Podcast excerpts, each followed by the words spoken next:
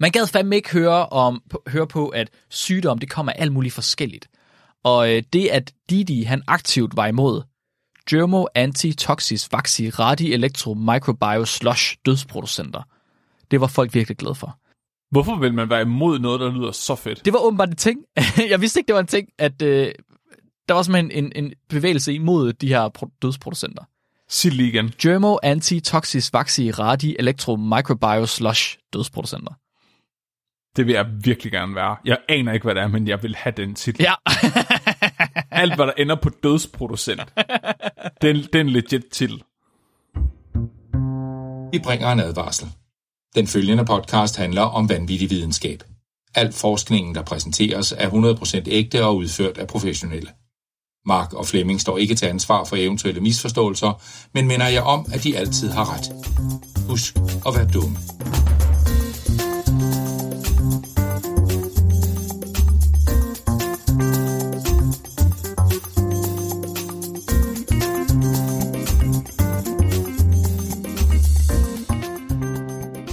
Hej, og velkommen til Videnskabeligt Udfordret. Podcasten, der brækker og hugger i dig. Måske af en god grund. Jeg er en tennisalbu. Flemming. Jeg har følelsen af at få poppet dit led, Mark Lyng.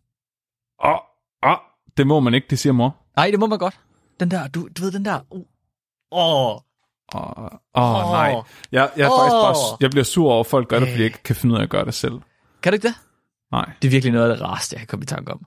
Jamen, jeg bliver lidt sur, så vil jeg ikke have andre gøre det, når ja. Jeg ikke kan. Du kan slet ikke, ikke med noget som helst. Nej, jeg kan ikke poppe noget. Jeg lærte mig selv at gøre det med nakken, jeg var, øh, jeg var lille. Øh. Det kommer slet ikke bag. Du har været sådan en fucking dæmonbarn, der bare rendte rundt i hovedet, bare drejet rundt. Ja, lige præcis. Men jeg havde en kammerat, der kunne, og så er jeg sådan, det, det vil jeg fandme også kunne. Og så, efterhånden som jeg gjorde det, så begyndte den bare at pop og sige knæk. Du har mange talenter, Mark. Jeg ved det godt, jeg er altså en multitalent af en, en mand, person. Er det det, vi skal snakke om i dag? Din krop? Vi skal ofte snakke om min krop. I dag øh, skal vi tale om folk, der rører ved min krop. Min og andres kroppe. Folk, der rører... Okay. Ja, øh, det er fordi, vi skal tale om kiropraktik i dag. Og kiropraktik, det er sådan lidt et spøjst felt inden for lægevidenskaben. I Danmark, der er det jo en, en medicinsk uddannelse, der kræver fem år på universitetet, og så et år i klinikken, som minimum i hvert fald. Ja. Og alligevel, så er den allerførste sætning på Wikipedia om kiropraktik. Kiropraktik er en form for alternativ medicin, der fokuserer på diagnosen, behandling og forebyggelsen af meka- mekaniske komplikationer med bevægeapparatet, specielt rygsøjlen. Den har en esoterisk afstamning og er baseret på flere pseudovidenskabelige idéer. Ja. Alternativ medicin med esoterisk afstamning, der er baseret på pseudovidenskabelige idéer. Men Hvad, oh, ja, okay. Men- hvad, hvad, men hvad, hvad hvad? tænker du egentlig? Ja. Men hvad? Det er jo, det er jo lægevidens, det er jo folk, de uddanner sig på universitetet for at Ja. lave det her. Hvordan kan man uddanne sig på, på universitetet for at blive pseudoforsker? Jeg forstår det ikke. Men det er også noget, man bliver... Altså, hvis man tager til egen læge og har ondt et eller andet sted, så kan man jo sagtens risikere at blive viderestillet henvist. Ja. ja, er henvist til Ja, ja, ja, ja, ja. Det har jeg da ri- risikeret. Det er jo meget ubehageligt. Så jeg, jeg er sådan lidt, hvordan kan en pseudovidenskabelig praksis have vundet indpas som en medicinsk uddannelse på universiteter? Hvad, okay, Mark, hvad er forskellen på en fysioterapeut og en kiropraktor? Ja, okay. Jeg er ikke, det er ikke noget, jeg har undersøgt. Men forskellen er ikke, så vidt jeg kan se, ikke specielt stor. Så det er lidt ligesom en terapeut versus en psykolog, måske. Mm, ikke helt. Og jeg er ret sikker på, at hvis du taler med nogen, der, der er inden for de to felter, vil de garanteret sige, at der er masser af forskelle. De ved lige præcis, hvad forskellen er. Sådan. De hader sikkert hinanden, fordi de, de minder lidt om hinanden. Ja, I don't know. Så vidt jeg forstår, så fy- fysioterapi er mere et forsøg på at arbejde med muskulaturen. Et spørgsmål om, at nogle ting, øh, smerter og sådan noget, er, er, kommer på grund af ting med muskulaturen, hvor kiropraktik er mere på grund af rygsøjlen specifikt. Det kommer vi til, fordi det vi skal i dag, det er, at vi skal finde ud af, hvad fanden er kiropraktik, og hvorfor mener nogen, at det er pseudovidenskab, og hvorfor mener andre, at det er rigtig videnskab. Men Wikipedia har i hvert fald en stærk holdning om det. Wikipedia har en stærk holdning om det. Det kan være, jeg har det, når jeg, når jeg har hørt dagens afsnit. Nu får vi det er se. spæ- jeg er ret spændt på det, fordi jeg ved vidderligt intet om det. Altså, jeg kender... Jeg tror ikke, jeg kender nogen, der har været til kiropraktor nogensinde. Nej, okay. Jo, min, måske har min søster engang været det. Jeg er lidt i tvivl. Men der er jo ikke nogen, der går til læge hernede. Kiropraktor, Nej, det det er er jo en læge, næsten. Øh, ja, ja, okay. Altså, det kan vi komme til, hvis det er. Men det er, Hva? det er det ikke. Det er det ikke en læge. Det er medicinsk behandler, men det er ikke en læge. Men det gør lige, vi stoler jo stadig ikke på dem. Jamen, det er fint nok, okay. Så de, er på de, de ligger under stadiet, som, under dyrlægestadiet. De ligger i lag med lægen, det kan vi ikke have. Ja, det er fint. Flemming, er du klar til at høre om kiropraktik? det ki- tror jeg. Kiropraktik tror jeg. og den spirituelle fader. Den spirituelle fader. Ja, og det bliver rigtig godt, det her, Flemming. Det bliver Åh, rigtig Gud. godt. Du kommer, til- du kommer til at skal til kiropraktor, når vi er færdige med det her. Det lover jeg dig for. I Danmark, der er kiropraktik vidt udbredt. Så øh, jeg har selv længe haft en vis skepsis inden for, øh, for det her område her, men uden egentlig at vide hvorfor. Jeg havde egentlig bare, bare hørt, at der er nogen, der mener, at det er en pseudovidenskab, på samme måde som øh, akupunktur er. Så det havde jeg egentlig bare hørt, og så er jeg sådan lidt, okay, så jeg, rimelig ukritisk af mig, så havde jeg tænkt, okay, fint nok, så er der måske ikke så meget i det. Så det eneste, jeg ligesom ved, det er, at der er nogle læger, der sætter som pseudovidenskab, og så umiddelbart har, er det ikke påvist til at have nogen virkning, ud over placeboeffekten. Men det i sig selv er sådan lidt, okay, virkning. Virkning på hvad? Hvad er det, du spørger om? Er det virkning på, på forkølelse, eller virkning på ondt i ryggen? Altså, øh, det kommer vi til. Men, så jeg havde en vis skepsis. Alligevel, så var jeg faktisk selv til kiropraktor for et år siden. Øh, ja, det var jeg, fordi jeg har gået Nu med... kommer der nogle sandheder på bordet her. Jamen, det gør der. Jeg, jeg har gået med sådan kronisk spændingshovedpine, i, siden jeg flyttede til København, faktisk. Jeg tror, det er en København. Du, kan jeg vide, om det har nogen relation til, at du har rent og knækket din fucking nakke hele din barndom? Bare Nej. rundt. Hold kæft. Høv, høv, høv. Åh, nej, jeg har ondt i hovedet nu. Kan vide, hvorfor? dumt, hva'? Det er først kommet efter, jeg flyttede til København, ligesom- okay? Det er ligesom eksorcisten, der var, der var hovedet drejet hele vejen rundt. Det bare dig som barn. Jeg kan lige se det for mig. Så øh, jeg havde det her problem med spændingshovedpine, og øh, lægen mente ikke at kunne gøre andet end at udskrive panodiler, og øh, fysioterapeuten mente ikke at kunne massere det væk. Så de anbefalede mig begge to, at jeg tog til kiropraktor. Det gjorde jeg så. Og inde på kiropraktorens kontor, der blev jeg sat i sådan en form for brix. Det var sådan, øh, hvad, hvad kalder man de der, de der øh, borer, der hiver en, der trækker i en i begge ender? Sådan en torturredskab. Ja, altså det var sådan en brix, øh, som man Ja. ja. ligesom kunne blive spændt fast i. Og så den her brix her, den kunne så vippe, så den kunne både ligge ned, så den var vandret, men du kunne også vippe op, så den stod lodret. Hvad? Ja, ja, sådan er Det er, er det sådan noget, er du sikker på, at det ikke var sådan en SM-klub, du kom ind i? Nej, ikke Fik du en gagball i munden? Skulle du tage tøjet af? Øh, ja. Og ja. Ja. Havde, havde, øh, havde kiropraktoren sådan en latex-dragt på? Jeg havde selv, okay, jeg havde selv gagballen med. Jeg fik også at vide, at jeg Ja. selv skulle have latexdragten med. Okay, jeg troede, nej. ja. Jeg ved ikke, om det er forskellen på kiropraktor og SM, så. At, Nej, jeg tror, forskellen er, at kiropraktoren har ikke noget safe word. mm, ja, det har han i hvert fald ikke. jeg kommer ind, jeg ligger på den her, eller jeg, inden jeg ligger på briksen, så ki- kiropraktoren her, han mærker lidt på min nakke, på min ryg, mine skuldre. Så konkluderer han, jeg har spændinger i skulderbladene, og de har sat sig i nakken, og de forårsager min hovedpine. Cool, fint. Det stemmer jo okay overens med min intuition, så er sådan lidt, fint, det er okay. Det kan han ordne lige med det samme. Jeg skal bare op på briksen, så øh, jeg bliver kastet op på briksen, så vipper han mig om. Først så jeg ligger på maven, så tager han lige, du ved, to hænder, sætter dem på højre side af rygsøjlen, og så trykker han bare sådan, pust ud, Mark, og så trykker han til, og så giver det bare sådan en ordentlig knas. Det Ja, er en god lyd, ikke? Ligesom man forventer, det skal hos kiropraktor. hvad? Ja. Så vipper han mig op og stå, og så øh, drejer han lige mit hoved sådan lidt for meget til hver side. Også igen, så det siger til hver side. Åh oh, nej. Jo. Øh, så kiggede jeg fra hans kontor, var ja. 600 kroner fattigere, og havde stadig hovedpine. Gav du penge for det? Det skal man fandme. Det var, det var totalt ligesom folk, der læser sit horoskop. Ja, det, er det, han har allerede set, hvad, der, hvad, hvad du fejler. Nå, hej Mark. Hvordan ved du, hvad jeg hedder? Ja. Det står i din journal. Ja. du har nok spændingshovedbeding. Hvordan vidste du det? ja, præcis. Øh, jeg forestiller mig, jeg var, jeg var ikke så tilfreds med behandlingen, mest fordi at det gik derfra med hovedpine stadig. Men der Og må... 600 kroner mindre, mand. Og 600 kroner fattigere, ja. Det er mange penge. Prøv lige at tænke på, hvad man kunne have købt for de penge. Hvad kan man købe for de penge, Flemming? Fem kasser uden til Classic. Ja, der kan man bare se. Eller en halv Makita vinkesliber. Ja, ja, en halv Makita vinkelsliber. Ja, Du køber de dyre vinkelsliber, kan jeg høre. Ja, ja. Ja, når de er på tilbud, kan man godt få dem til 600. Det skal være Makita. Men andre må ligesom have haft en bedre oplevelse med kiropraktor, fordi ifølge Danmarks Statistik, så besøgte omkring 380.000 danskere en kiropraktor i 2021. Det var... Mark, 380.000 danskere. det er jo en ud... Hvad, Det er næsten en tiende del af den danske befolkning. Men Mark, Ja. betyder det, at de var tilfredse? Nej, det betyder ikke nødvendigvis, at de er tilfredse. Der er også mange danskere, der dør i trafikken. Jamen, det er der. Og de er ikke tilfredse med at dø i trafikken, tænker jeg. De kommer ikke tilbage igen. Nej.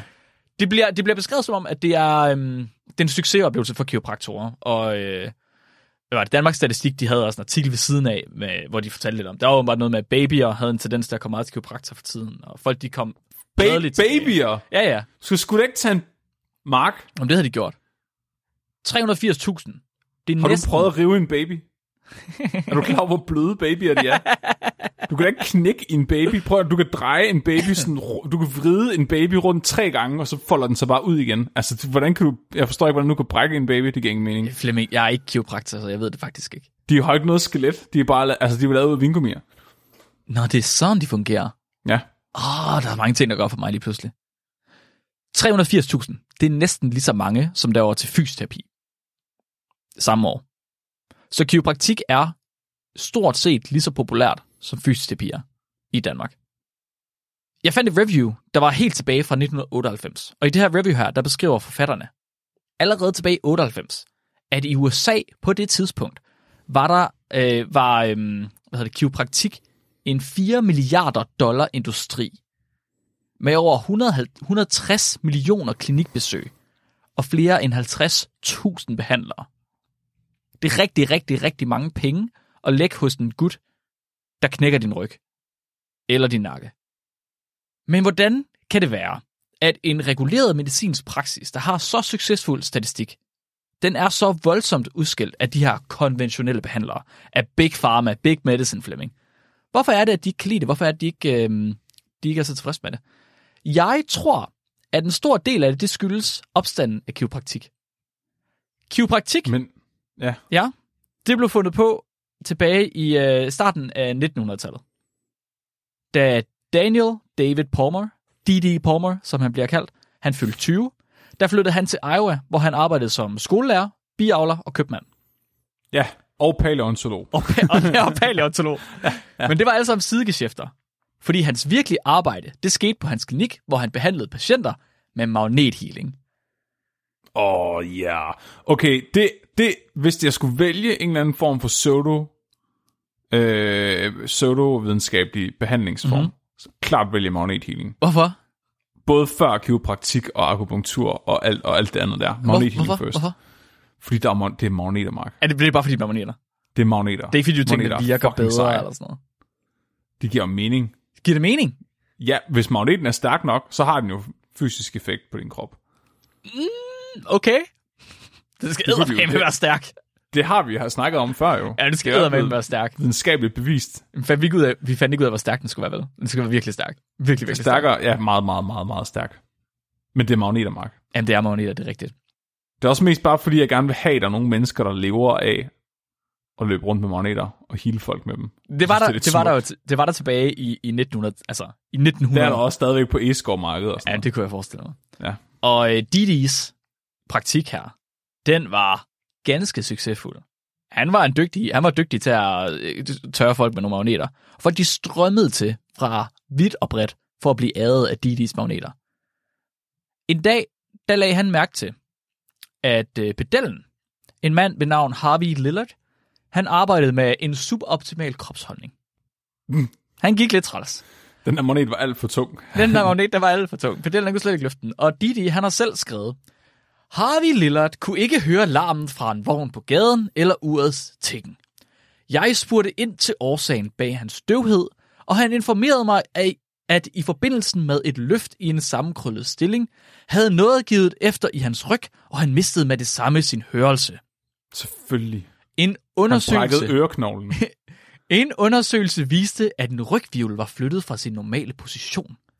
Jeg konkluderede, at hvis vivlen blev sat tilbage, ville mandens hørelse lige så genopstå. ja, det var... Hvad? Med dette mål for øje, fik jeg overtalt herr Lillard på en halv time til at lade mig trykke på hans rygvivl. Indefra. Jeg flyttede den tilbage på plads ved at bruge den spinøse proces som en løftestang. Det er sådan en lille tap, der stikker ud fra alle rygvivler. Øh, ja. Øh, og snart kunne manden høre som aldrig før. Der var intet tilfældigt over dette, eftersom det blev udført med et mål for øje, og det forventede resultat blev opnået.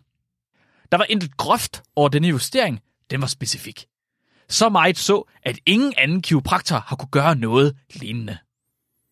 Jeg har... Åh, jeg har virkelig... Der er ikke nogen, der... Nej. Lad nu være. Den her dag, den 18. september 1895, det berygtede som begyndelsen af kiropraktik. Didi Men altså, Pormer, det var imponerende, at han kurerede hans hørelse. ved han, han hans kurerede hørelse. døvhed ved at trykke på hans rygsøjle. Det er jo vanvittigt. Hvad, hvad er det for noget? Hvordan så hørelsen er kommer gennem ryggen? Det er jo sindssygt. Hvor kommer det af?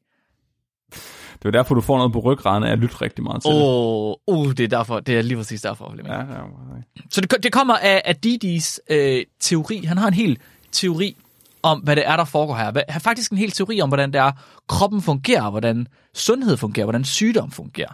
Alle lidelser i virkeligheden. Så må jeg gætte? Ja, du må gerne gætte.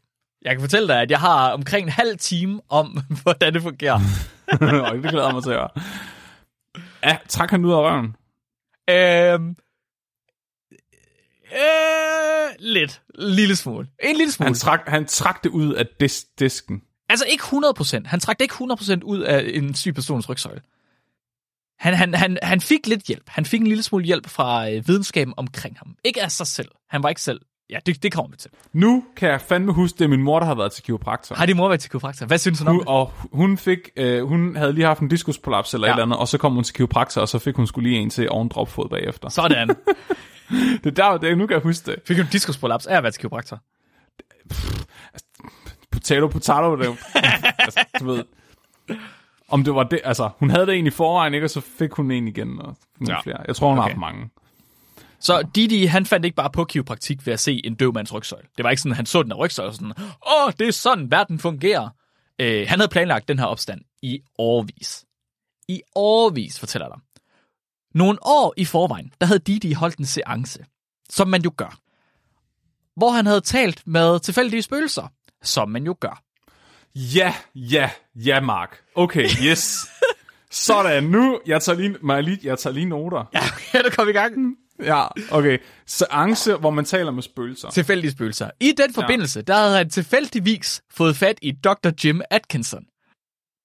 Er det en person, der har levet i virkeligheden, eller en, eller en spøgelse, han... Det er en person, der levede i virkeligheden, men han har levet 50 år tidligere. Så han var død 50 år før, at øh, Didi han fik fat i ham.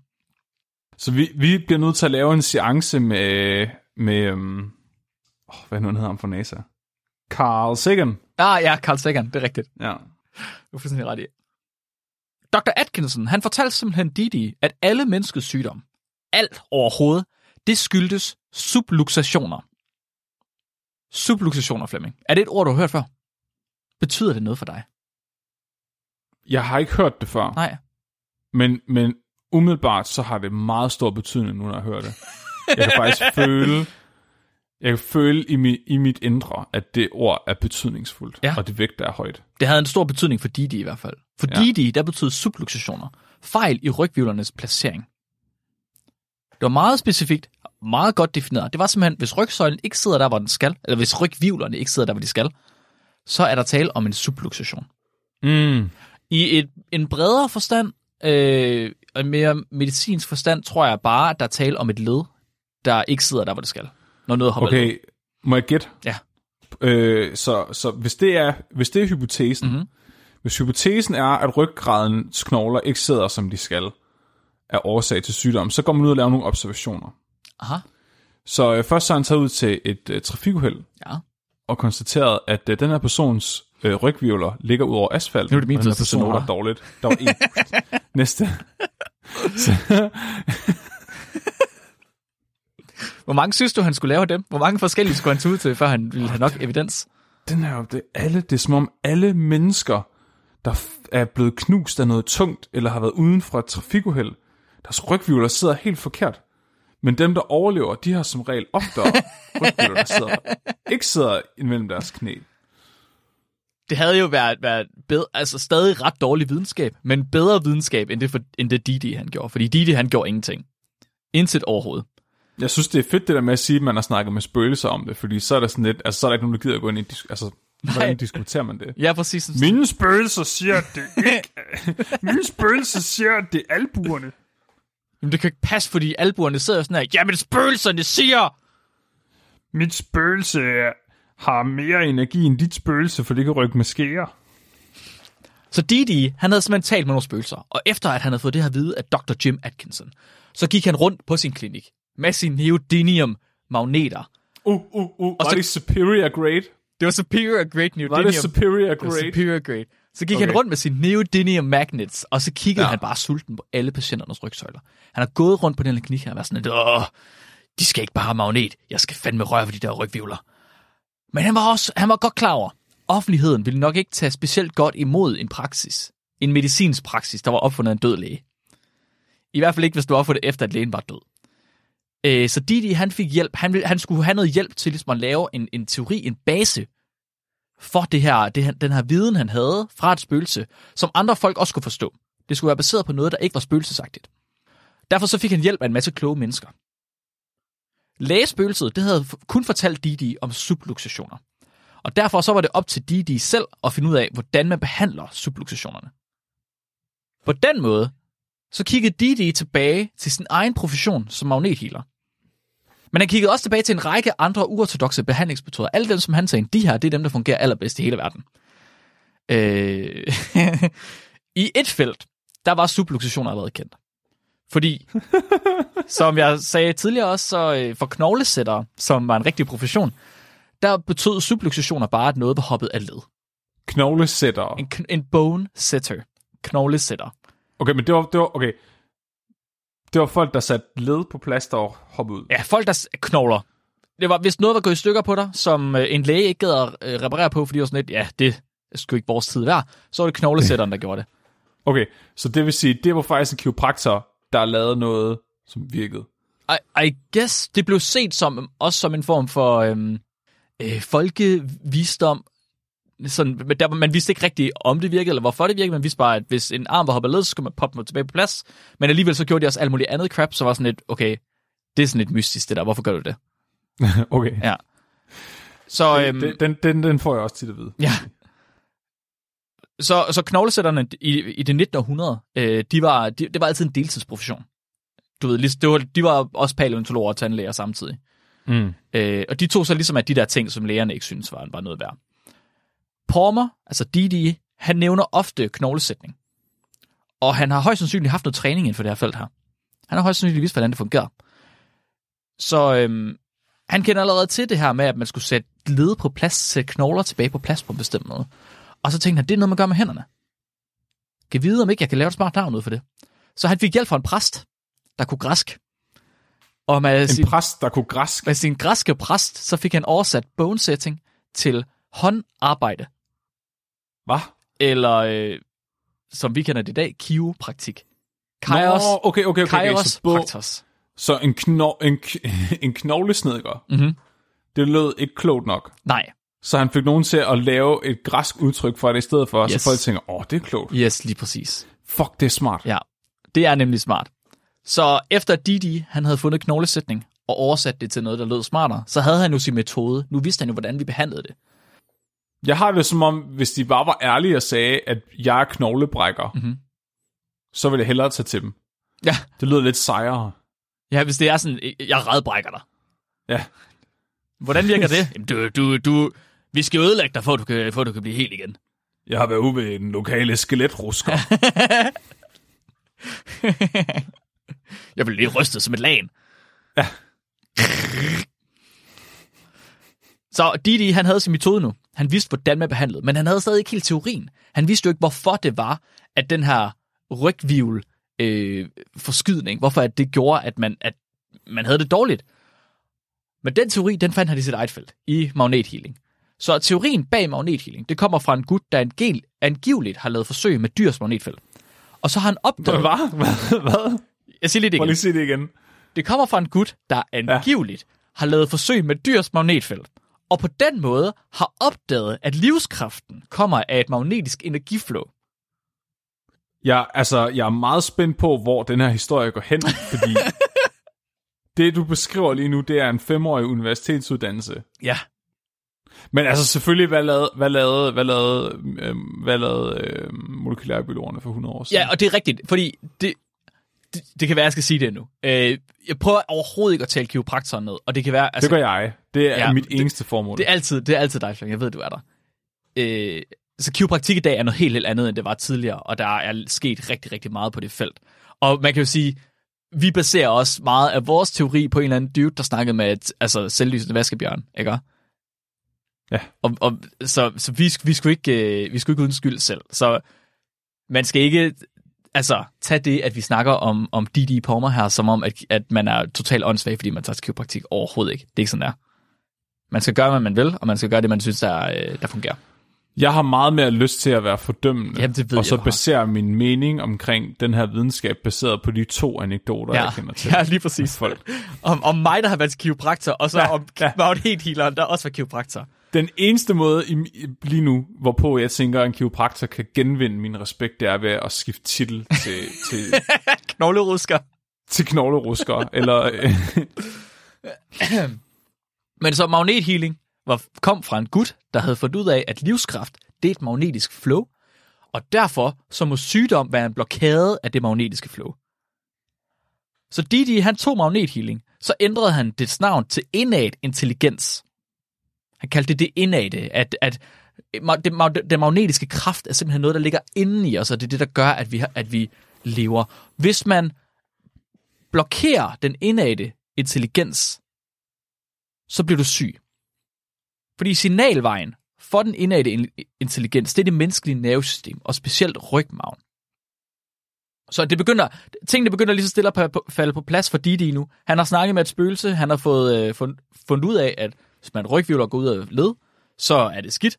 Så har han fundet ud af, at det kan man ordne ved bare at skubbe til det.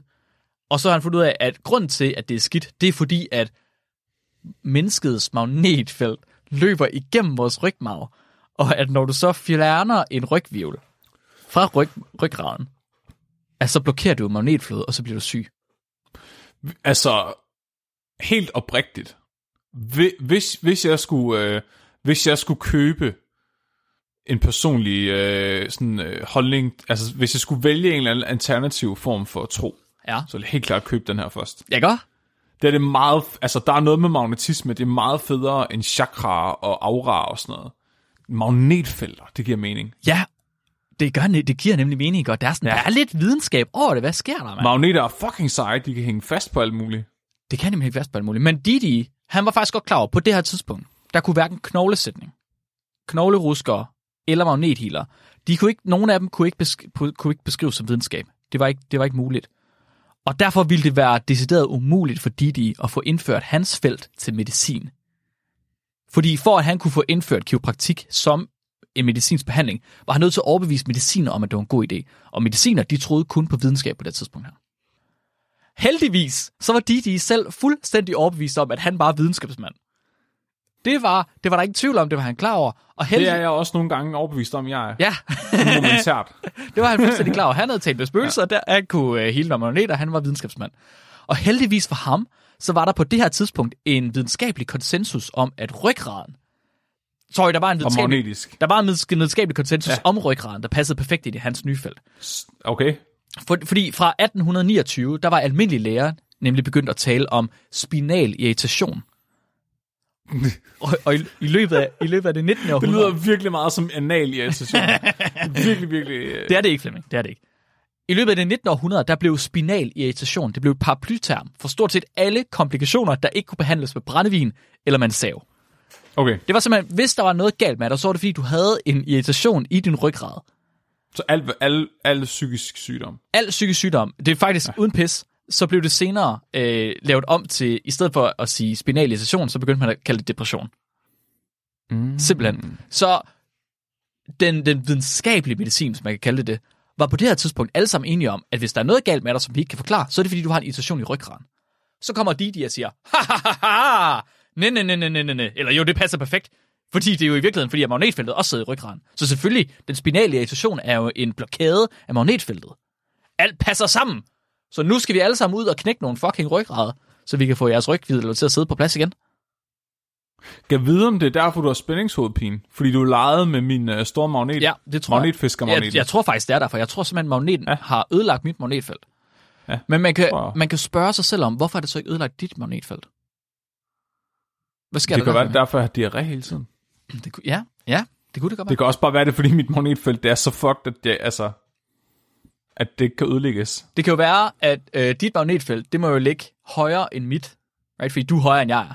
Mm. Så hvis man har magneten i samme højde, så rammer den lavere på dig og højere på mig. Ja. Det vil sige, at med mig, der vil den ramme lige omkring altså nakken, og ved dig vil den ramme lige omkring røven. uh, uh, uh, Ikke uh. Så det vil jo passe med diarré til dig og ondt i hovedet til mig. Det er faktisk næsten lidt for videnskabeligt til os lige nu. Er lidt for videnskabeligt til os. Didi, han siger, haps, fucking haps. Kiropraktik, det er til for behandling af subluxationer i ryggen, der skaber spinal irritation, og bum, så har vi et skoleeksempel på pseudovidenskab. Flemming, har du nogensinde tænkt over, vi bruger ordet pseudovidenskab ret meget, har du tænkt over, hvad det egentlig, hvad der, hvad der ligger bag ordet pseudovidenskab? Åh, det har vi jo haft definitionen på før. Har vi jeg haft mener, definitionen? At, jeg mener, det er noget, der udgiver sig for at være videnskab, uden at adhere til den videnskabelige metode. Ja, umiddelbart ja. Øhm, så det adskiller sig fra for generel overtro ved at, at, at, at, at påstå, at det er evidensbaseret, men evidensen er ikke indsamlet korrekt. Jeg så en, øh, jeg, jeg følger en læge på YouTube, jeg kan ikke huske, hvad han hedder, øh, Rowan, I don't know, han er øh, hjer- hjertekirurg, han kan også godt lide at snakke om soddevidenskab og sådan nogle ting.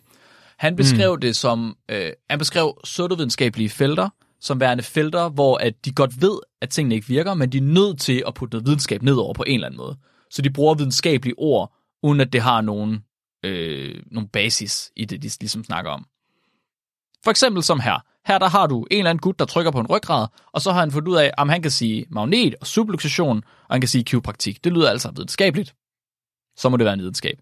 Selvom det ja. ikke er, som du også påpegede, øh, så er det ikke baseret på noget, på en videnskabelig metode overhovedet. Fordi han var ikke ude at finde ud af, om folk, der har det ringere, de også har rygvivler, der sidder forkert.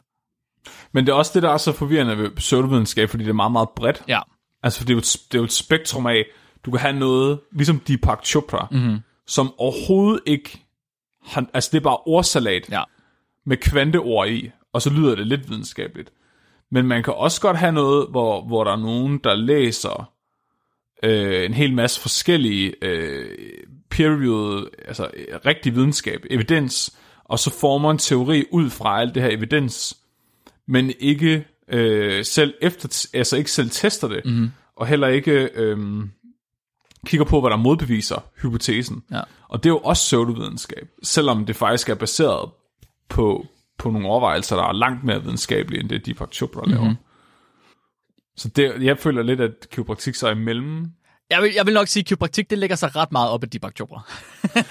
altså, der er jo noget... Dengang var det jo videnskabeligt accepteret, at der var noget spinal anal irritation. Jamen det er det, det er rigtigt. Øh, magnetfeltet var overhovedet ikke øh, konsensus inden for videnskaben på det tidspunkt. Nej, okay. Ja, så det, at han kommer og siger, at de to ting er det samme, det, det var en hypotese fra hans side af, men det er ikke noget, han nogensinde testet.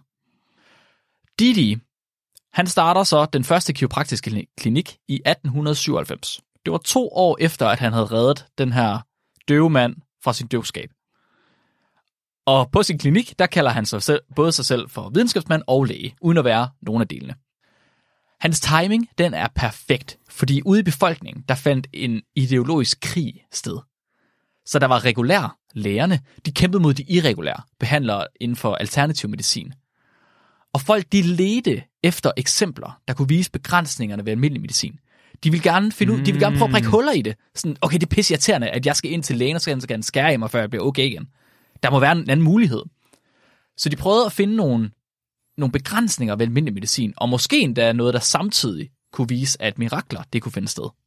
Man kunne løse noget, uden at skulle skære huller i folk.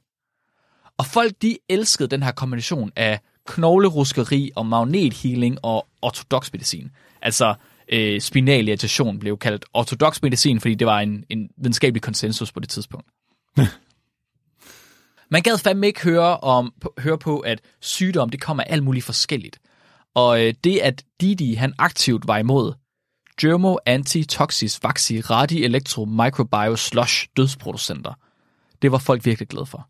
Det var, Hvorfor vil man være imod noget, der lyder så fedt? det var åbenbart en ting. jeg vidste ikke, det var en ting, at øh, der var simpelthen en, en bevægelse imod de her pro- dødsproducenter.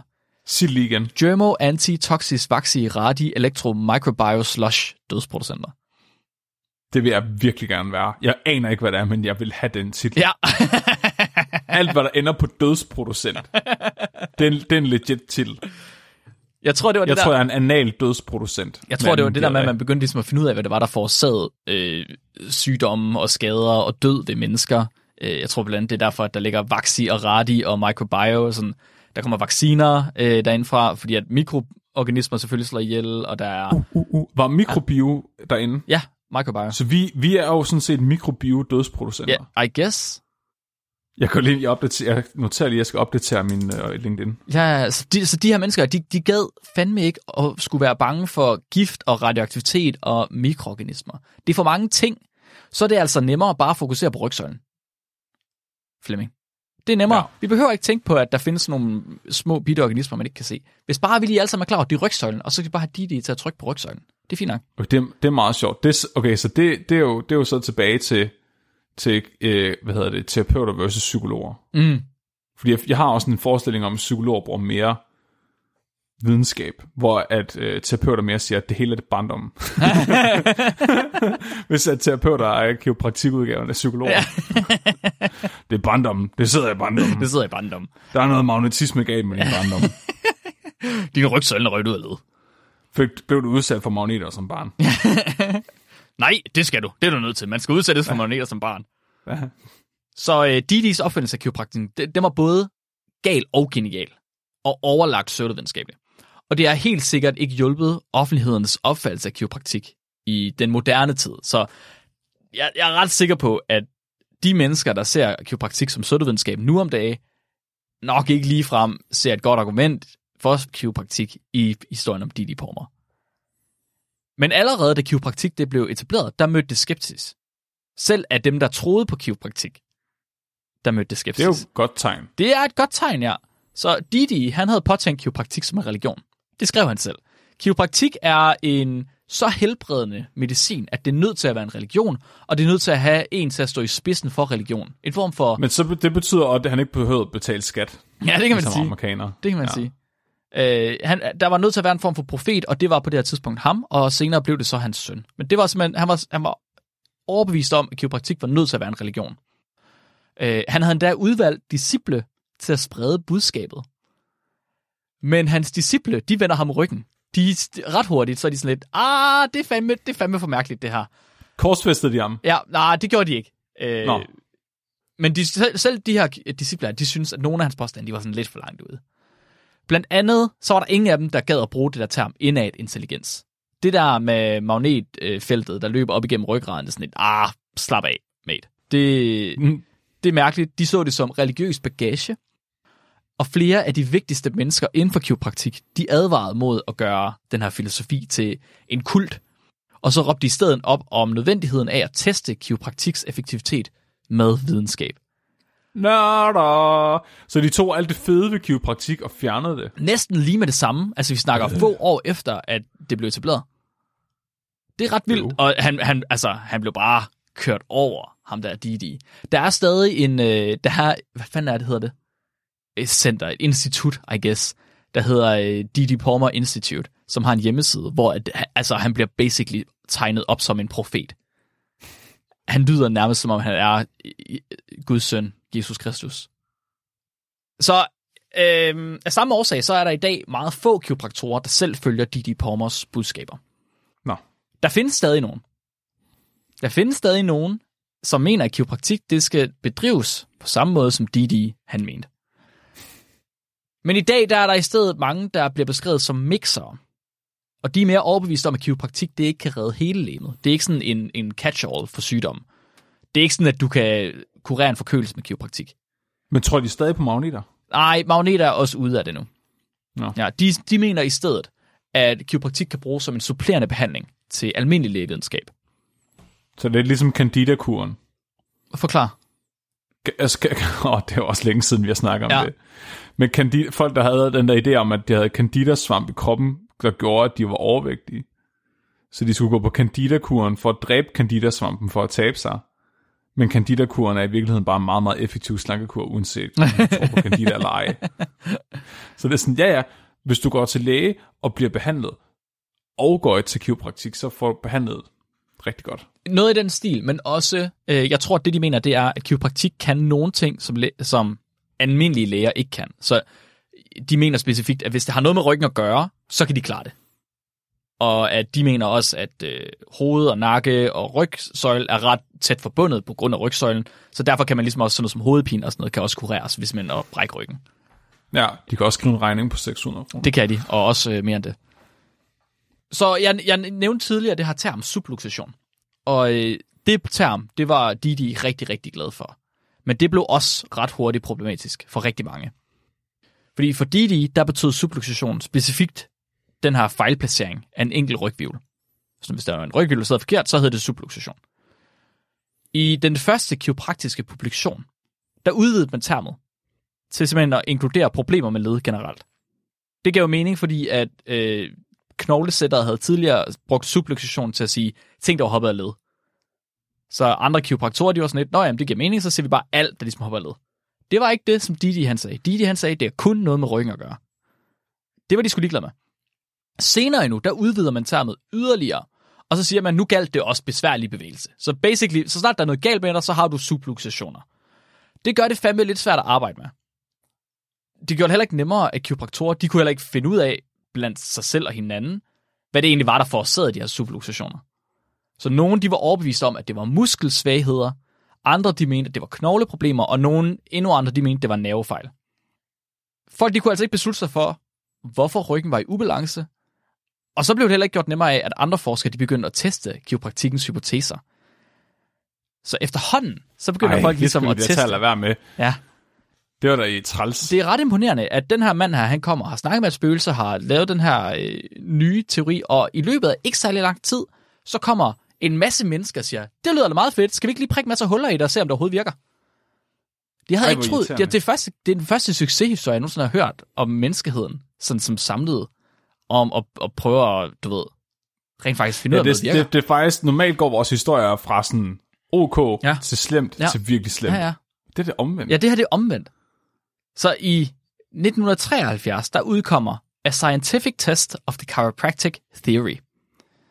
Og i den her publikation, der skriver Edmund Krellin som en underoverskrift, det første eksperimentelle studie af grundlaget for teorien demonstrerer, at den tager fejl. Kiropraktik virker ikke, er det han siger. Ja, ja, ja. I den her artikel her, der havde han fået fat i et, jeg har kaldt, valgt at kalde det et ikke insignifikant antal af dødfødte babyer. Yes! ja, okay. Vi, du har mig igen. Dødfødte du, babyer Du, og- du tabte mig lidt, da du stoppede med magneterne, men nu er jeg på. Ja, så den her gut her, han ville finde ud af, om kiropraktik virker. Han havde fået fat i en masse dødfødte babyer, og ja. Også andre rygsøjler, åbenbart. Så havde han fået fat i en søjleboremaskine, to skruetvinger og et newtonmeter. Ja! Så tog, Ja. så tog han rygsøjler fra alle mulige forskellige typer, og så puttede han det i Fra typer hvad? mennesker, babyer og. Okay. babyer og voksne. Okay, ja, ja. så puttede han det i de der to skruetvinger, og lagde det på søjleboremaskinen, og så trykkede han på det. Virkelig meget. Og så bukkede han det, og bøjede det, og knaste han det, alt hvad han overhovedet kunne. Kunne han genopleve dem? Han, kunne ikke, gen- han, det var, han havde svært ved at genopleve okay. okay. øh, mest fordi han Nej. havde taget rygsøjlerne ud af babyerne. Ja, okay. Øh, men så, det som, det som øh, han mente her, det var, at de var gået lidt væk fra den her magnetteori, men de var stadig, sådan, det stadig rygsøjlen. Så hvad er det i stedet for, hvis ikke du stopper for magnetsystemet? Øh, eller magnetfeltet, eller fuck det hedder. Jamen, der ligger jo den store nerve, øh, det spinal cord, der ligger op langs rygsøjlen. Måske var det bare mm. den, der blev klemt på. Det var den, vi ligesom stoppede for. Så det var det her prøvet at teste. Kan jeg ved at dreje på rygsøjlen, eller skubbe på rygvivlerne, kan jeg så blokere for den, sådan at kiropraktik overhovedet har et grundlag, det kan leve på. Og uanset hvad han gjorde, uanset hvor voldsomt han ødelagde de her rygsøjler her, så fik han aldrig nogensinde den der nerve til at sidde i klemme. aldrig nogensinde. Nej. Nej, hvad? Ja, Okay, jeg, hvor, jeg har bare sådan en idé om, de der nerver er fucking skrøbelige, men det kan jeg godt regne ud, det er måske ikke til. Overhovedet ikke. Og det var så hele termet subluxationer var bygget op om, at den her næve her kom i klemme. At det var det, der skete. Det var noget i ryggen, der gjorde, at næven kom i klemme. Det var så dårligt defineret til sidst, at det er svært at sige, hvem, hvor mange der mente det. Men det var derhen omkring på et tidspunkt. Konsekvensen af hans studie var så, at termet subluxationer, det i dag ikke betyder noget som helst for nogen. Der er ikke nogen, der kan få noget ud af det inden for kiropraktik. Okay. Så i dag, der refererer det til, hvis man bruger det, refererer det til nervefejl, muskelsmerter, ledproblemer, uregelmæssigheder i blodflow og alt muligt andet. Altså, har du haft en frø til at hoppe på dig, så har du haft en subluxation nærmest. Så af samme grund, så er der ikke specielt mange kiropraktorer, der bruger det i dag, fordi hvad fanden kan man bruge et term til, der betyder alt? det, det, hey, var det, det er det fedeste videnskabelige undersøgelse, du nogensinde har hørt. Okay, Flemming, så nu, nu har vi fået etableret, at kiropraktik, det blev, øh, det blev, det blev Hvor lavet. mange, dø- hvor mange døde babyer skal der til at, at modbevise kiropraktik? Jeg havde faktisk ikke, Otte. jeg, jeg havde ikke skrevet det ned. Men det burde jeg måske have gjort. Vi har fået etableret nu, at kiropraktik blev øh, hvad hedder det, grundlagt af en dude, der snakkede med et spøgelse, og fik en græsk præst til at lave et navn til ham, og så mente, at det var magnetfelt, der var galt. Så har man bagefter taget kiropraktik, og så har man ødelagt det så hårdt, ved simpelthen at sige, at det har ikke noget grundlag, det eksisterer ikke længere. Ved at bruge et ikke insignifikant antal af døde babyers rygsøjler. Hvis alt det her, det er sandt, hvordan kan det så være, at vi stadig går til kiropraktorer? Hvordan fuck kan det være, at nogen af os kan finde på at gå hen til en knoglesætter, som baserer sin femårige uddannelse på noget, som en spøgelsesjæger har fortalt ham? Eller har Er det ikke også meget unikt for Danmark? Er det ikke nærmest det eneste sted i verden, hvor det er en universitetsuddannelse? Nej, det er det nemlig ikke. Det er det nemlig rigtig mange steder, og det er også certificeret, og vi kommer til det lige nu her. Fordi, Okay, okay. som sagt, så har kiropraktik helt siden sin fødsel tiltalt både weirdos og også mere kritiske individer. Og de kritiske individer, de har fra starten kæmpet for ligesom at blive set som professionelle. De er sådan, det er rigtigt, det vi laver. Det er de, de siger noget pis, men der er altså noget bag det, vi laver. Kunne, kunne, hvis nu bare de kunne få kiropraktik til at blive anerkendt af staten, så ville det være nærmest ligegyldigt, hvor mange tvivlere der eksisterede. Det her, det er selvfølgelig i USA. Det startede alt sammen i USA, så al den her historie her, den er også foregået i USA. Så det var sådan, kan vi få USA, kan vi få de forenede stater til at anerkende kiropraktik som en videnskab, så er, det sådan, så, så er vi der, så er det okay. Så er det ligegyldigt, at der er folk, der tvivler på det. Så, de, så de starter en kamp, og de starter en kamp i Kansas. Og Kansas var den første stat, der anerkendte dem som en medicinsk praksis i 1913. Mor siger jeg godt må. Ja. Så i 1913, der sagde Kansas, kiropraktik, det er sgu øh, en videnskabelig baseret medicin.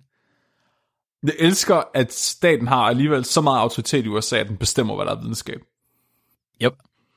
Det bestemmer i hvert fald, hvilken medicinsk praksis, der kan certificeres, og hvilke titler, der kan være beskyttet. Så modstand mod det her, det blev generelt givet fra det lægevidenskabelige samfund. Og de vil ligesom... Øh, de, de, de vil, de, folk vil gå ud fra det lægevidenskabelige samfund, og så vil de pege kiropraktorer ud. Det vil simpelthen snitche, altså stikke folk.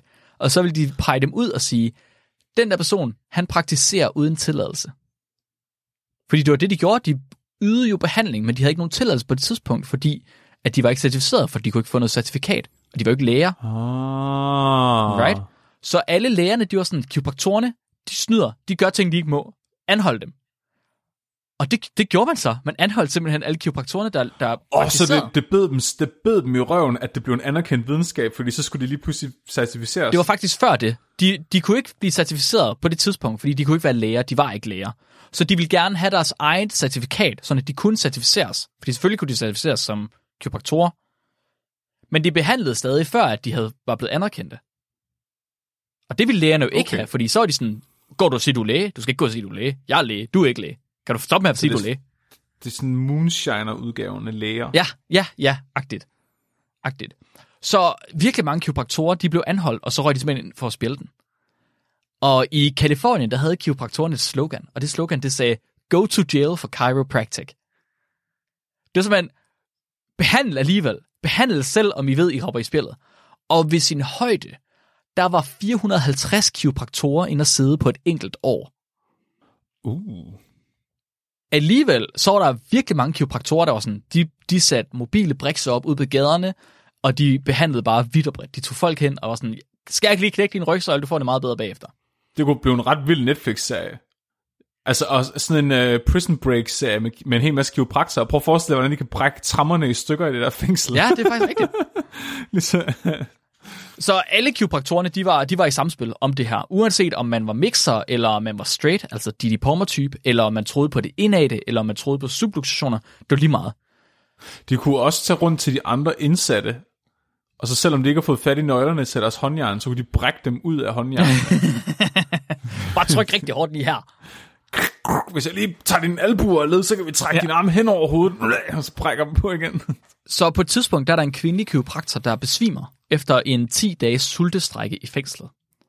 Og da det sker, hele USA, de følger det her med kæmpe stor interesse. Og øh, offentlighedens sympati, den var sådan, de, alle de var sådan, what the fuck, hvorfor er der ikke nogen, der er ordentlige over for de her kiropraktorer, hvordan kan det passe, de skal gå og besvime i fængslerne? Så Kalifornien... Kørt offerrollen, det er fandme smart. Yes, offerrollen 100%. Så Kalifornien kunne ikke gøre andet end at anerkende professionen, og alle kiropraktorer i fængsel, de blev benådet.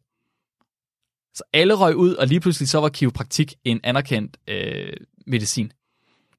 Kampen den fortsat, og den fortsat hele vejen op til det, som kiropraktorerne de har kaldt for århundredets retssag. På det her tidspunkt, der var kiropraktik ikke bare en godkendt behandlingsmetode. Kiropraktorer, kiropraktorer, de kunne udskrive lægeerklæringer til sygemeldinger, de kunne udskrive kompensationer, og øh, det National Institute for Health, de var blevet pålagt at lægge midler til forskning i kiropraktik Ja. på det her tidspunkt her. Ja. Så kommer århundredets retssag. Og for kiropraktorerne, der havde den største fjende, den havde hele tiden været det amerikanske medicinske forbund. American Asso- uh, Medical Association. Mm-hmm. Og de havde blandt andet gjort det forbudt for medlemmer af deres forbund at diskutere med kiropraktorer. De havde Hvorfor dannet det? en komité, som de kaldte Komiteen for udryddelse af kvaksalveri. hvor deres hovedformål, det var at udrydde kiropraktik. Hvorfor, er, hvorfor var læger bare så meget sejere dengang? det var sådan en blanding af, at de dræbte flere mennesker, end de reddede, og at de så kunne blive enige om at give silent treatment til en, til en helt, helt pro- profession. Men ikke bare altså. silent treatment, det var jo basically en uh, segregation om igen. Segregation, synes jeg apartheid, altså. Ej, jeg elsker sådan noget. Det er fucking sindssygt. Læger mod Jeg læger. elsker psykisk vold, når det er Det er organiseret. vanvittigt.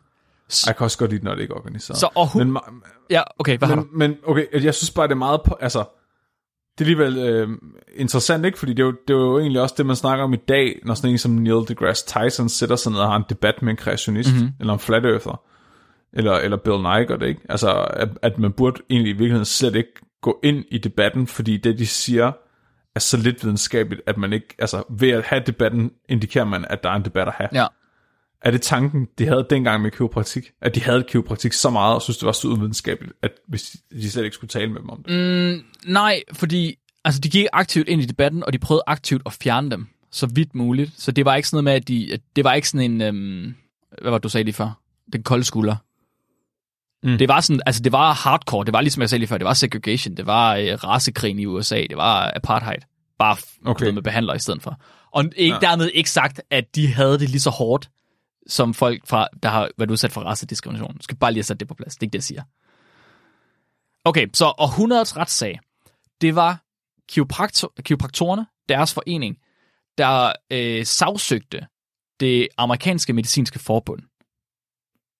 De sagsøgte dem, og i 1976, der blev lægerne dømt, og det gjorde deres kolleger hos det amerikanske college for radiologer og det amerikanske college for kirurger. Og de blev dømt for at have konspireret mod kiropraktorer. Nej, hold nu... Åh, Yes. det der... Åh, nej. 100%. Så de blev dømt til at have lavet en konspiration. At de simpelthen bevidst var gået imod kiropraktorer for at prøve at lukke dem ned, uden at der var nogen grund til det. Og de blev befalet til at stoppe med det samme, cease and desist. Og deres videnskabelige tidsskrift, The Journal of the American Medical Association, der stadig eksisterer i dag, er en ret stor tidsskrift i dag, den blev beordret til at publicere dommen i tidsskriftet. Nej. Jo, det er virkelig sådan, altså hvis du bliver dømt i fængsel, så skulle du spraymale det bag på din bil. Det var det, der skete for dem her. At det, det er ligesom, hvis man er i USA, hvis man er, hvis man er en sexoffender eller et eller andet, eller child Ja. predator, eller, Ja. altså skal man informere alle i nabolaget om det, sådan gå rundt og, Yes. jeg piller ved børn. Jeg bor i nummer 9. Så alt det her, det har betydet, at offentlighedens syn på kiropraktik, det er blevet mildere og mildere op igennem det 20. århundrede. Jeg er ikke klar over, hvornår kiropraktik faktisk kom til Danmark. Det har jeg ikke undersøgt. Det var ikke lige så meget det, jeg gik op i. Men det er højst sandsynligt kommet efter, at det blev øh, altså, set med formidlet øjne i USA. Mhm. Så muligheden er, at der er en mulighed for, at danske kiropraktorer har kendt mindre til øh, Didi Pommers og hans grundlæggelse af det, og at de derfor nok har set det som en mere videnskabelig praksis. Mm. Hvornår kommer vi til den del, hvor vi så snakker om, at det er blevet bevist, at det virker, og at det rent faktisk er en videnskab? Jamen, det gør vi lige nu. Det gør vi lige nu. Okay. Fordi Ja. Selvom folk er begyndt at se på det med mildere og mildere øjne, og selvom at patienter de gladeligt rapporterer, at de får det langt bedre kiropraktik end af almindelig lægehjælp, så er det altså ikke bevis for, at kiropraktik det rent faktisk virker. Det har vi snakket om før i vores afsnit om placebo. Bare fordi, at man tænker noget virker, så er det ikke ens betydende med, at det virker. Så som det sidste i det her afsnit her, så har jeg udført en lille meta-meta-analyse. Har du fået fat i nogle døde babyer? Jeg har ikke, jeg har ikke selv lavet studier. Okay. desværre. Nej, okay. Vi har haft døde babyer med i dag. Alt er okay. Jeg har lavet en meta-meta-analyse, hvor jeg har samlet meta-analyser, der har kigget på randomiserede, kontrollerede studier, der undersøger, om kiropraktik det virker eller ej. Det er altså irriterende svært. Det havde jeg ikke regnet med. Jeg havde ikke regnet med, at det var så svært. Det er fandme svært. For det første, så findes der ikke specielt mange studier, der både er randomiseret og har kontrolgrupper, altså placebo-kontrol. For det andet, så er kvaliteten af de studier ikke specielt gode. Det er sådan noget, så har de 10 mennesker. Og øh, det, Nå. øh, halvdelen af dem, de dropper ud midt i studiet. Det er sjovt. Det er som om, de er bange for øh, om, at bevise, at det ikke virker. Måske er det fordi... Ja, nej. I don't know. Så alligevel, så de Det fleste... er i hvert fald et, et rødt flag, vil jeg sige. Det vil jeg også mene. De fleste metaanalyser, jeg har fundet, de bruger flere forskellige online databaser til at søge studier. Øh, Flemming han siger altid PubMed, det er fordi, det er den Flemming han kender. Øh, så kan det være, han kender Google. Ja, jeg har for- lige fået en Google Scholar. Ja, ja, der kan man bare Wow. se. Der findes andre, ja. der, så de har også været inde på PsycInfo, Pedro, Cochrane, Embase og Medline, øh, som alle sammen har videnskabelige studier. Det overlapper som regel, hvilke de har, men nogle af dem har så nogle, som de andre ikke har. Alt efter, hvad de vil teste, hvilken type smerte, skade, problem hjælper kiropraktik på, så finder de op til 25 forskellige 100, 2500 forskellige studier i de her metaanalyser. Så øh, nogle af dem, de går ud og kigger på, øh, hvordan virker kiropraktik mod hovedpine. Og så er de sådan, hvor mange studier har undersøgt det med placebo, med kontrol osv. osv. Og så finder de op til 2500 studier. Men efter at de så ekskluderer studier, der enten ikke er blinde, eller ikke er randomiseret, eller ikke er placebo-kontrolleret, eller øh, øh er biased af forfatterne, så har de som regel kun 4-5 studier tilbage det er jo ligesom, da vi snakker om LSD. Fuldstændig. Fuldstændig. ja. fuldstændig. Så der findes sindssygt meget data derude, forskning derude, på hvordan kiropraktik virker. Studierne er bare ikke lavet, så man kan stole på resultaterne. Fedt. Ja, mega fedt. Det er den slags forskning, vi skal ind i, Mark. Ja, det er den. Vi kan jo komme og, altså, og lave de der, men jeg ved ikke, om det vil være nemt at få folk til. Problemet er jo, at du skal også have en kiropraktor til at komme ind. Man skulle sige til kiropraktoren, vi laver et studie, hvor at vi prøver at påvise den her hypotese her. Eller ikke påvise, men teste den her hypotese. Mm. Nå, øh, så ud fra det her, så ser jeg følgende. En metaanalyse. De ser en kortvarig forøgelse i hudens sympatiske nervesignaler. Det ved jeg ikke, hvad det betyder. Det betyder, at huden bliver stimuleret lige der, hvor man rører. I guess. Jeg ved ikke, hvilken implikation det har for helbredelse. En anden metaanalyse ser en signifikant forbedring på smerte i et nederryg efter kiropraktik. Men i deres samling af fire studier, der inkluderede de studier med høj dropout rate og generelt lavt deltagerantal. Og de skriver selv, at de, vi skal passe på med at konkludere ud fra deres data. Men så der findes et metastudie, der siger, at øh, smerte i nederryg kan behandles bedre med kiropraktik, end det kan med konventionel lægehjælp og med placebo. Så et andet nederrygsmerte-studie, øh, de fandt 47 studier med 9200 deltagere, og de kunne ikke finde nogen signifikant forskel mellem placebo og kiropraktik.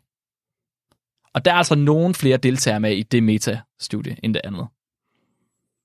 En metaanalyse de ser en svag, men signifikant forbedring af antallet af migrænedage ved kiropraktik. Men deres studiesamling inkluderede ikke nødvendigvis placebo-kontrol, så det kunne også, de ved ikke, om det er bedre eller ringere end placebo. De ved bare, at det er bedre eller ringere end en læge.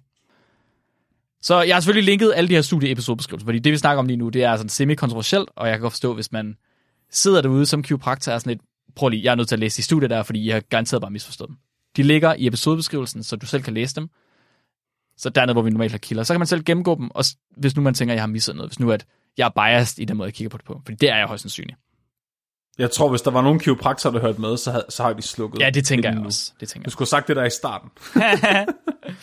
Så i min liste har jeg selvfølgelig heller ikke metaanalyser på alle smerter, vi kommer i tanke om, fordi kiropraktik kan bruges til alt muligt mærkeligt. Og øh, mest i USA, der bliver det brugt til alt muligt mærkeligt.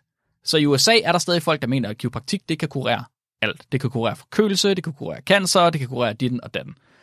Øh, de ting har man også undersøgt, om det virker på. Og der finder man, sjovt nok, ikke nogen sammenhæng. Så konsensus blandt lægevidenskaben, det er lige nu, at hvis kiropraktik, altså det at manipulere med led og knogler, det har en effekt, så er den svag i forhold til placebo. Generelt så er det anerkendt, at man kan se en vis effekt i smerter i nedre ryg, men man har ikke kunne finde nogen effekt i hovedpine, nakkesmerter, menstruationssmerter eller astma. Hmm. En sidste interessant pointe, som jeg har, det er det review, som jeg nævnte i starten, som var ret gammelt. Øh, det er faktisk skrevet af en gammel kending. Det er ham, der har skrevet, han har skrevet historien om Didi Palmer. Han har også selv lavet en meta-meta-analyse. Og han konkluderer også, at man kan ikke se nogen signifikant forbedring i forhold til placebo for øh, kiropraktik. Det var tilbage i 98. Hvis nu jeg siger, at det her det er en gut, der rigtig godt kan lide placebo, Flemming, kan du så et navn? Kan du huske det navn? Ej, det kan jeg fandme ikke Nej. huske. Jeg, prøver, jeg kan ikke engang huske, hvad min mor hedder. Kan du huske, kan du huske duden? Kan du huske, der var en dude? Jeg, kan godt, jeg kan godt huske, der var en dude. Så helt tilbage i afsnit 333, Placebo helbreder ikke, der snakker vi om Ted Kapchuk. Og Ted Kapchuk, han er en amerikansk hotshot, fordi han mener, at placebo er lige så helbredende som medicin. Nå, nå ja, Right? der var et twist, det er rigtigt. Yes. Han laver noget vildt god forskning, Ja. vildt gode metaanalyser, og så er han bare whacked i hovedet alligevel. Fuldstændig. Så, Så det er sådan, han, han, er, han er sådan next level skeptiker. Han er ikke kun skeptisk over for pseudovidenskaberne, han er også skeptisk over for videnskaberne. lige præcis. Det er mega fedt, jeg elsker Ja, det. lige præcis. Så han, han er... Det er sådan, han, han er ikke sådan, jorden er ikke flad, han er også sådan, men den er fandme heller ikke rund. den, Så han har også lavet de her, de her analyser og meta-analyser. Øh, jeg synes bare, hans var det for gammelt til at tale om i 23. Til gengæld så konkluderer selveste manden, der mener, at placebo er fremtidens behandlingsmetode. Han konkluderer, at kiropraktiks ultimative lektie har været at forstærke princippet om, at forholdet mellem patient og læge fundamentalt handler om ord, sammenhold og medfølelse. Gøy. Så altså, han mener meget hårdt, at kiropraktik virker ikke. Folk de mener, det virker, fordi at der er placebo. Fordi der er nogen, der Fordi der snakker er medfølelse. Ja, lige præcis. Okay, ja, ja. Føl, følte du meget medfølelse, da du var til kiropraktor? Han var en god mand. Han, jeg synes, han var hyggelig. Øh, jeg tror måske, at det, at jeg var skeptisk fra starten af, gjorde, at jeg... At, I don't know. At det, at det er ligesom hypnose, at det virker kommer, som tror på. I don't know, måske. Men man siger også, at placebo virker jo, selvom du ikke tror på det. Ja, jeg skal ikke kunne sige det. Men så, det jeg har fundet ud af i dag, det er, at placebo er opfundet af en øh, spøgelsesvisker, øh, og øh, sat ind som certificeret medicinsk praksis af en retssag i 1970'erne. kiropraktik er- Af kiropraktik. Kiropraktik. Ja, ja kiropraktik. Du sagde placebo. Nå, undskyld, kiropraktik, ja. øh, men at konsensus er lige nu, at der er meget svag evidens for, at det skulle have nogen virkning på forskellige typer af smerter. Men med det siger du også, at det er fordi de videnskabelige studier, der er lavet, ikke er lavet rigtigt. Muligvis. Ja, muligvis. Så hvis at man lavede nogle flere dobbeltblindede forsøg, vil man måske kunne se bedre, om det rent faktisk virker eller ej. Dobbeltblindet, randomiseret ja. Og placebo-kontrolleret ja. forsøg. Vi mangler rigtig, ja. rigtig mange af dem. De er virkelig svære at finde. Så det vil sige, der er lavet rigtig meget forskning, men der er kun 4 ud af 2.500 forskningsartikler, der er lavet rigtigt. Noget i den stil. Det, det, Ja. det er forskelligt fra metastudie til metastudie, men der findes også flere end 2.500 studier. Så det var bare nogle af dem, der kun fandt 4 ud af 2.500. Ja. Ja. Ja, det var, det var det, jeg havde om kiropraktik i dag, Flemming. Nogen brækker dig, jeg brækker mig. tak for det, Mark. Det var fandme smukt. Kiropraktisk set. Uh, kiropraktisk set. Mark, inden vi tager et lytterspørgsmål, så vil jeg gerne have lov til at række ud i, til i vores lytteres hjerter. Ja. Hvis du lytter til det her afsnit på omkring det udkommet, så vil jeg bare lige sige, den 19. marts 2023, der kommer vi til København Nej. på Hotel Cecil. Så, sådan. Flemming, kan du godt tåle det? Jeg vil, jeg vil meget gerne vide, at det er nogle af dem, der hører podcasten, der kommer. Og det er ikke bare nogen, der læser videnskabeligt udfordret og tænker, at det er en rigtig videnskabspodcast, og så køber de nej. Jeg vil gerne vide, at i hvert fald en del af publikum er vores podcastlyttere, sådan så de ikke får et chok, når jeg spiller harmonika. så hvis I har råd, og hvis I har lyst, så køb en billet og kom og se os. Jeg skal tale om MK Ultra. Så basically det forsøg, som Men Who Stare at Goats var baseret på, ikke? Eller forsøg. Jo. Og Stranger Things. Og Stranger Things. Og Stranger Things. Ja. Øhm, vi har også et live show, som er, er udsolgt i Odense. Det kommer til at handle om noget andet. Det kommer til at handle om en CIA løgndetektor-ekspert, der øh, forhørte sine planter med tortur. Ja, det er perfekt. Så man kan tage til dem begge to, hvis man virkelig er frisk. Jeg, jeg, har, jeg har hørt, at øh, der er nogen, der sælger deres billet i Odense, fordi de ikke kører alligevel. Så hvis man hopper ind på Facebook-fansiden, så kan det være, at man er hurtig og heldig. Min mor nåede faktisk ikke at få en billet, det var hun ret ked af. Ej. Din mor må godt komme med, Flemming. Ej, må vi lige se, om vi kan tilgive hende. Så, men øh, ja, pissegodt. Øh, for, for, for pokker, altså, ej, hvis der er nogen, der gider arrangere meetups, så skal jeg nok komme. Åh, oh, Det, øh, det vil jeg meget gerne. det er et uh, løfte. Jamen, det ved jeg. Det, det er fordi, det kommer til at handle om mig jo, så er det til vil jeg gerne. Mark, Ja. vi skal have et lytterspørgsmål. Ja. Der blev faktisk stillet et rigtig godt spørgsmål på Discord, men der, der er sket så meget nu, at jeg ikke kan huske, hvor det ligger hen. Der står, der er 118 nye beddelser. Der er sat med gang i den i dag. Her var det. Sara hun spørger om, øh, om, øh, om grunden til, at det hedder håndværk og design i folkeskolen nu, i stedet for håndarbejde, er fordi man ikke må kalde det håndarbejde på grund af kiropraktik. Uh, det er et godt spørgsmål. Øh, men jeg tror måske, at det i så fald, så havde vi nok stoppet med at kalde det håndarbejde noget tidligere. Men det hedder håndarbejde, da jeg gik i skole også. Ja, Men så igen, da jeg gik i skole, der knækkede vi også rygsøjler. Ja, til håndarbejde. det, det hedder frikvarter. nej, nej, nej. Ja, ja, ja. Altså, det var jo... I frikvarteret gjorde vi det ud over, fordi vi var sådan nogle dygtige, flittige studerende, flittige elever. Ja. Vi gjorde det bare rigtig meget. Altså, jeg tror, det er fordi, at, øh, at det er fordi, der var nogen, der opdagede, at, øh, at der, der er fem ikke alle børn, der kan finde ud af at arbejde med deres hænder. der var nogen, altså uanset hvor meget papmaché du giver dem, øh, så, så, så de der hænder, det er 10 tomfingre. Så, men, så, men put lige og design på i stedet Hvad for, hedder det nu? Designer, design? designer behøver ikke have talent inden for noget som helst. Åh, oh, fuck. Undskyld, prøv, okay, jeg ved godt. Nu er der ikke nogen kiropraktorer eller nogen designer, der hører podcasten mere. Hvad, hvad, um, hvad var det, Mark. det hed nu? Håndværk og Ja. design, var det sådan? Er det fordi, det er garanteret fordi, at de har sløjfet sløjt, og så har de lagt det ind som en del af det? Det skulle fandme ikke undre mig. Kræfterne. De fjerner alle de bedste fag. Det er simpelthen... Jeg har hørt, det vidste jeg ikke, øh, og det kan være, det er bare mig, der er dum, men det, altså, vores forældres generation, de havde metalsløjt. Jeg ville fandme da også have haft metalsløjt. Det vil jeg da også gerne. Hvorfor? Jeg, kun Jeg kunne ikke få- arbejde tre nu på det. Jeg, jeg kunne kun få, øh, få sløjt. Ja. Hvad er det for noget? Jeg ved det ikke. Det er fordi børn ikke må komme i nærheden af elværktøj længere. Det er fandme... Prøv at, høre, det er også mærkeligt. Da ja. jeg var 9 år gammel, tror jeg, der skar jeg mit eget puslespil på en bånd- båndsav. Fandme i orden. Ja. Jeg er stolt. Øh, Børn er nødt til at lære, hvordan søjleboremaskinen virker, så de kan teste, om kiropraktik der fungerer på rygsøjler. Ja. Det er de nødt til. På deres, på deres venner.